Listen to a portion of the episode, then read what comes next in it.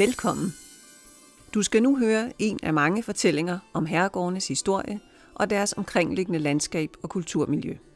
Fortællingerne er udarbejdet af Gammel Estrup, Danmarks Herregårdsmuseum og Dansk Center for Herregårdsforskning. Gå på opdagelse i herregårdsfortællingerne og meget mere på danskeherregård.dk.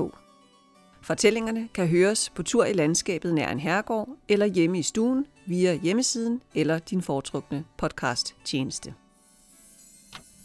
I dag er det almindeligt, at vi bruger et glas, når vi er tørstige.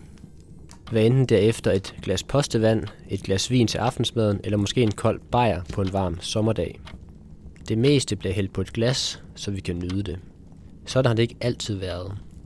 I renaissancen for godt og vel 400 år siden var glas en luksus forbeholdt de velhavende. Dengang som nu var glas brugsgenstande i alle mulige former i forskellige afskygninger efter deres praktiske formål. Nogle glas indgik som i dag ligeledes også som en del af ritualiserede drikkeskikke i forbindelse med festligheder.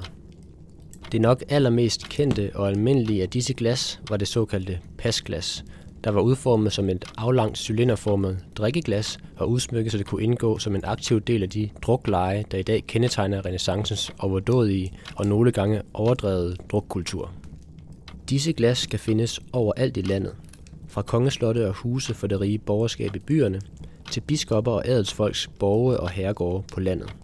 Således kan der findes pasglas helt fra Hammershus på Bornholm til Vorgård i Nordjylland, og altså også i voldgraven i Rosenholm på Djursland.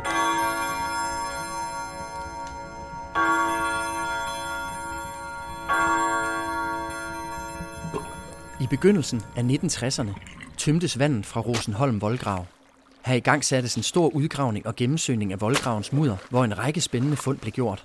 En del af fundene vidner om den selskabelighed herregården på Djursland har været centrum for. Særligt en mængde aflange pasglas vidner om adelsfamiliens festligheder i renaissancen.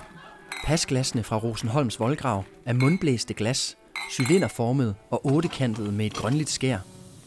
Den grønne farve kommer fra det jernholdige sand glasset blev lavet af, og glas med denne varierende grønne farve kaldes populært for valdglas, altså skovglas, da man også brugte aske fra bøgetræ i produktionen.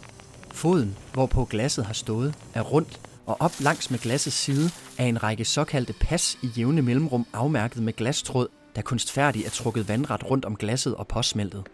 Det er efter disse pas, glassene og druklejen, der knytter sig hertil, har deres navne.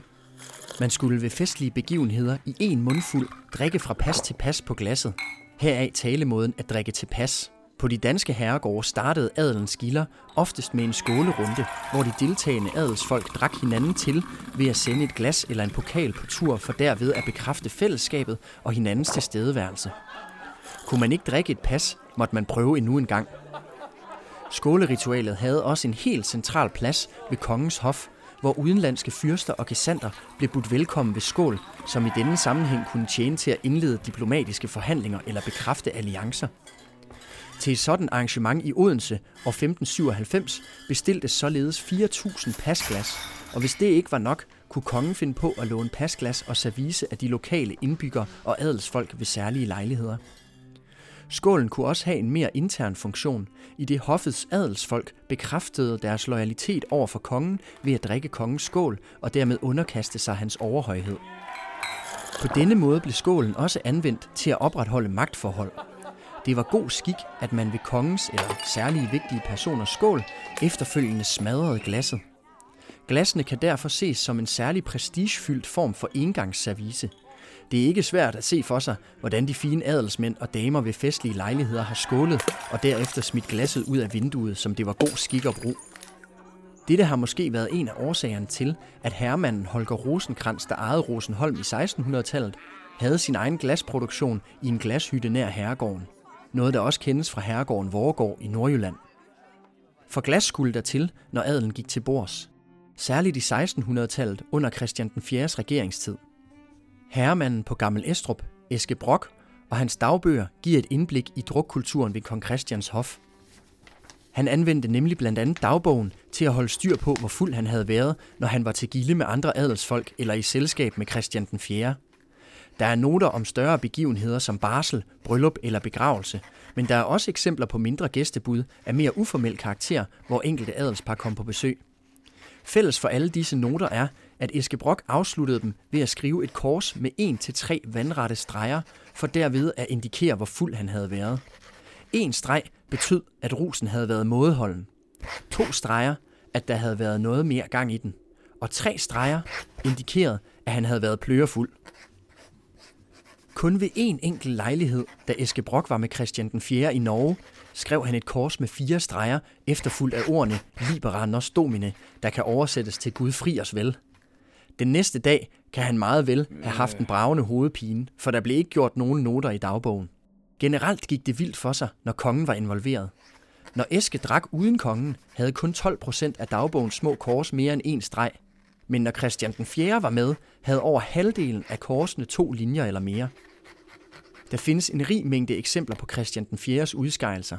En gang inviterede han sig selv til drikkegilde hos adelsmanden Sivert Gruppe, da denne havde god engelsk vin og mange smukke piger på sit herberg.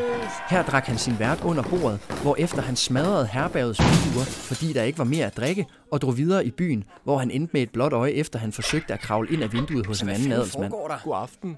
Det var med andre ord svært at følge med Christian den 4., når han for alvor foldede sig ud. Kongens svigersøn, Frans Ransau, prøvede på det under en fest i 1632, men blev så fuld, at han tumlede i voldgraven ved Rosenborg og druknede.